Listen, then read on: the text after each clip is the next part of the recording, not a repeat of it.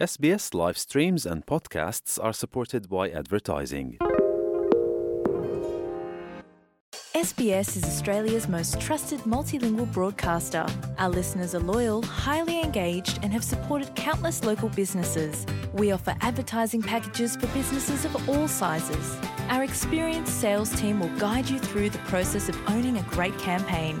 Bring your own ad or have our production team make you something in one of our 68 languages. Start the conversation with your new audience today. Email sales at sbs.com.au. Vi ste uz SBS na Srpskom. Slušate program na srpskom jeziku na SBS radiju. Ja sam Biljana Ristić, ostanite sa nama.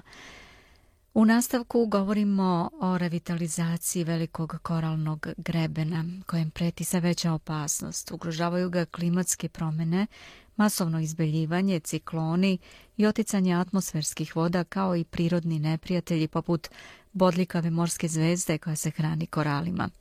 Novi zajednički projekat očuvanja koristi novi pristup koji objedinjava zapadnu nauku sa znanjem tradicionalnih vlasnika zemlje, piše Hana Kwong za SBS News. Taj prilog pripremila je Nataša Kampmark. Da čujemo. Veliki koralni greben je najveći koralni ekosistem na svetu, a sačinjava ga više od 5000 morskih vrsta. Veliki koralni greben svojim domom smatra i preko 70 različitih grupa tradicionalnih vlasnika zemlje, čija povezanost s tim područjem i njegovom okolinom seže 60.000 godina u prošlost. Međutim, veliki koralni greben se nalazi u opasnosti. Usled klimatskih promjena, masovno izbeljivanje znatno je oštetilo greben, a posljednji put se desilo u martu ove godine. The Great Barrier Reef has a, a number of threats, you know, mass bleaching through climate change. Velikom koralnom grebenu preti um, nekoliko stvari. Najviše se priča o masovnom izbeljivanju i zagrevanju okeana usled klimatskih promjena i oni najviše zabrinjavaju nas naučnike, kao i sve one koji žive duž velikog koralnog grebena.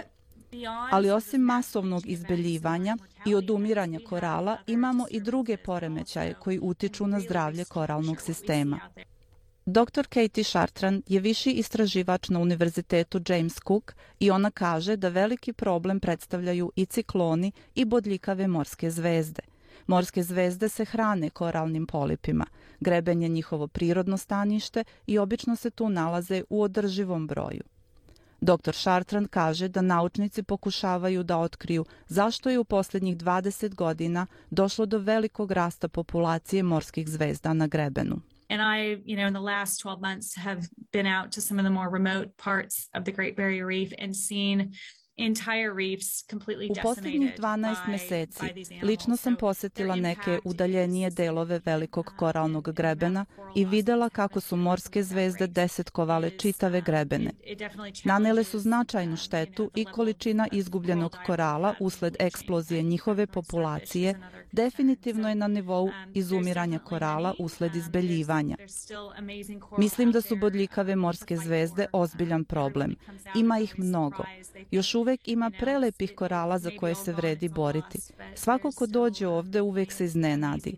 Ljudi misle da su korali možda nestali, da su možda već izgubljeni, ali još uvek ima puno neverovatnih grebena za koje se vredi boriti i koje vredi sačuvati. Za Svetski dan okeana u borbi za očuvanje grebena, udruženje Građani velikog koralnog grebena Citizens of the Great Barrier Reef pokrenulo je novi projekat pod nazivom Zadruga za greben, Reef Cooperative. Program očuvanja uključuje trogodišnju obavezu finansiranja u iznosu od 2 miliona dolara u partnerstvu sa lancem prodavnica odeće Cotton On Group. Andy Ridley je glavni izvršni direktor organizacije Građani velikog koralnog grebena. The, the cooperative, the reef cooperative is um, Zadruga za greben okuplja čitav niz različitih tehnika očuvanja i to s ciljem da se one primene na što veću površinu grebena u godinama koje dolaze. Radi se o jedinstvenoj saradnji pet različitih organizacija. Rangeri iz naroda Jirkanđi, čija teritorija obuhvata more severno od Kernsa, Univerzitet James Cook, kompanija Mars održive solucije, zatim tim morskih biologa GBR Biology, kao i građani velikog koralnog grebena.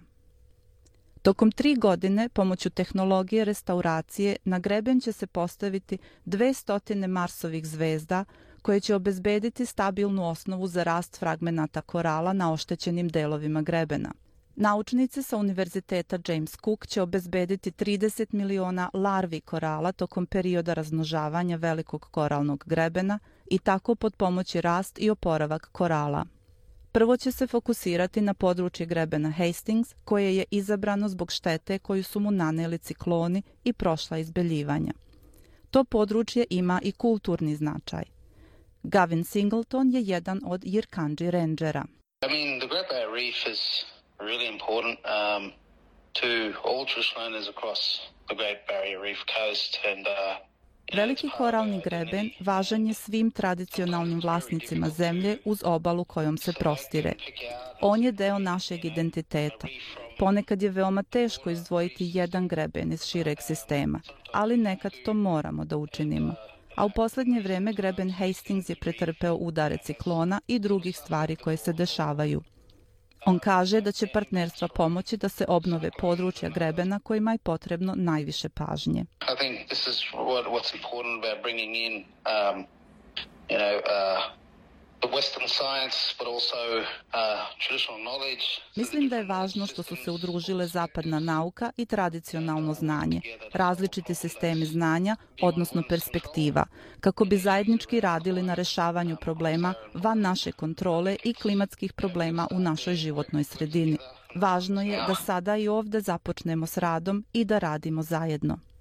Dok su neke oblasti velikog koralnog grebena ostale netaknute, druge su ozbiljno oštećene. Dr. Katie Chartrand sa Univerziteta James Cook kaže da iako počinju od velikog koralnog grebena ovde u Australiji, nadaju se da će zajednice širom sveta uložiti sličan napor na drugim grebenima. We want to ensure that people see that this is something worth fighting for and as a way to engage everyone around reef health and condition. Želimo da ljudi shvate da je ovo nešto za što se vredi boriti, kao i način da angažujemo sve oko zdravlja i stanja grebena uh, i da ih edukujemo o iznijansiranoj prirodi grebena. Nije sve mrtvo, nije sve savršeno. Pred nama su veliki izazovi, ali mislim da zaista moramo da razmišljamo van ustaljenih okvira, jer je to jedini način da vidimo greben i u budućnosti.